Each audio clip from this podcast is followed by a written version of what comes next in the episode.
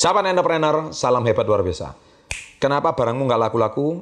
Kenapa produkmu orang nggak bisa membeli dalam jumlah yang besar? Itu pasti ada cara-cara yang keliru. Nah, di video saya kali ini saya akan membuat empat cara pasti bagaimana orang bisa tergila-gila memberi produkmu.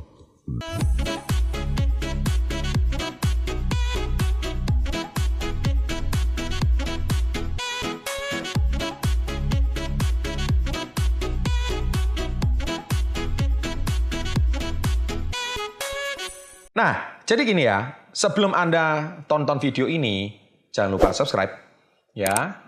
Dan jangan lupa loncengnya diaktifkan. Saya hitung tiga. Tiga, dua, satu. Terima kasih. Oke, nah sekarang setelah Anda subscribe ya, Anda pasti akan dapatkan konten-konten yang luar biasa. Dan tentu konten-konten ini saya buat tujuannya satu, untuk memberikan Anda edukasi, wawasan, dan YouTube cerdas karena di Indonesia ini YouTube yang mencerdaskan sangat jarang. ya. Oke, yang pertama adalah orang membeli karena emosi. Nah, jadi problemnya gini, produkmu itu tidak punya unsur emosional. Ya, jadi Anda itu harus kalau menjual sesuatu itu harus ada unsur emosinya.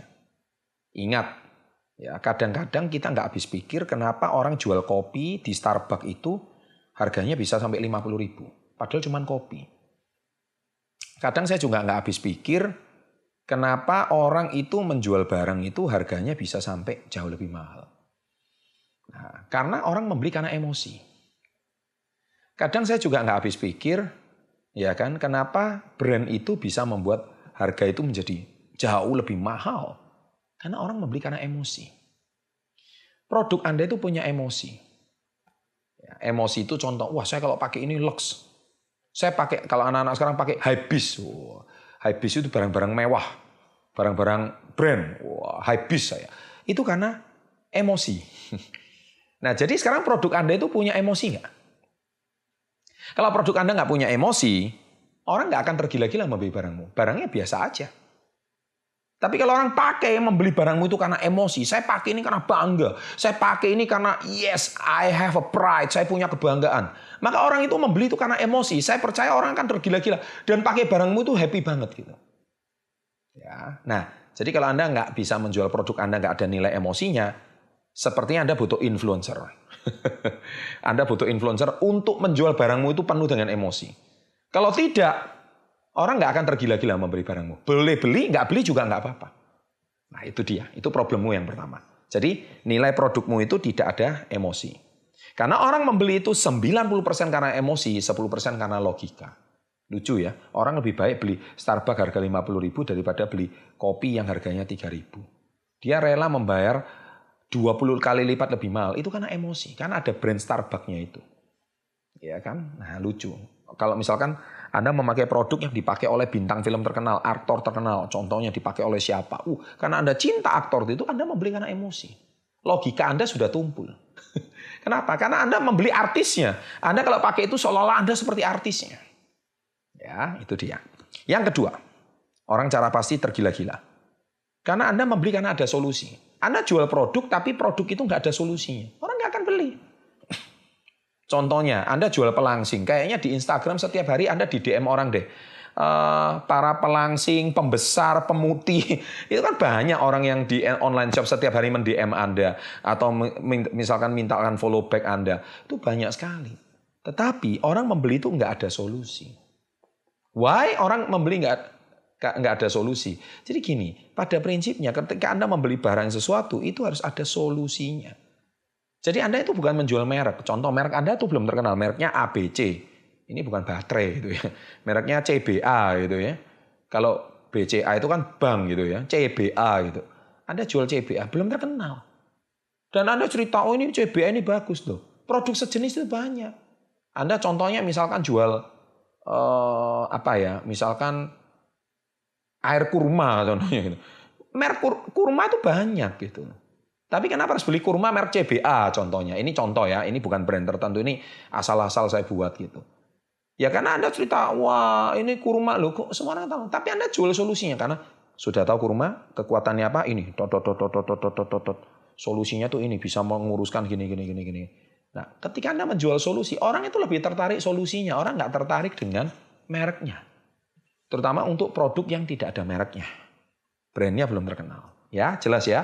Jadi ini Anda nggak akan bisa tergila-gila. Nah, poin yang ketiga, cara pasti yang ketiga yaitu orang membeli karena value. Kenapa value? Saya selalu katakan bahwa apa nilai tambahnya saya tinggal di rumah ini? Oh, nilai tambahnya mungkin lokasi dekat. Ini depan value-nya seperti ini. Anda menjual properti, loh, kalau misalkan properti itu, nah misalkan Anda menjual ini ke depannya tuh visinya seperti ini, itu bisa laku. Ya ini karena sudah di sini, akses jalan di sini. Nah, Anda menjual value. Kalau Anda hari ini menjual produk tapi tidak ada value-nya, ya jelas nggak laku produk Anda. Nah produk itu bisa menjadi intangible atau tangible produk. Tangible itu apa? Produk yang ada fisiknya. Intangible itu seperti Anda menjual jasa. Ya kan? Jual jasa kursus, jual jasa pelayanan, jual jasa ini, jual jasa itu. Tapi produk Anda itu tidak dibutuhkan, apalagi Anda belum terkenal. Ketika Anda belum terkenal, Anda itu harus membuat orang tergila-gila dengan Anda memakai produk Anda. Ya kan? Dan yang keempat, orang membeli karena cerita, karena storytelling. Jadi oleh sebab itu makanya zaman sekarang Anda nggak, kenapa Anda kalau perhatikan iklan-iklan itu ya, apalagi kalau iklan rokok itu ya, kan sekarang nggak boleh melihatkan orang rokok, tapi kan ada cerita itu. Begini pun terakhir keluar brand rokoknya. Nah itu namanya cerita. Anda sekarang lihat di sosial media kan banyak itu eh, produk-produk Thailand itu ya kan, mereka tuh menjual kisah yang membangkitkan emosi. Wah, seorang ibu dan anak, ibunya tuh sakit, jatuh keras, bla bla bla dan sebagainya.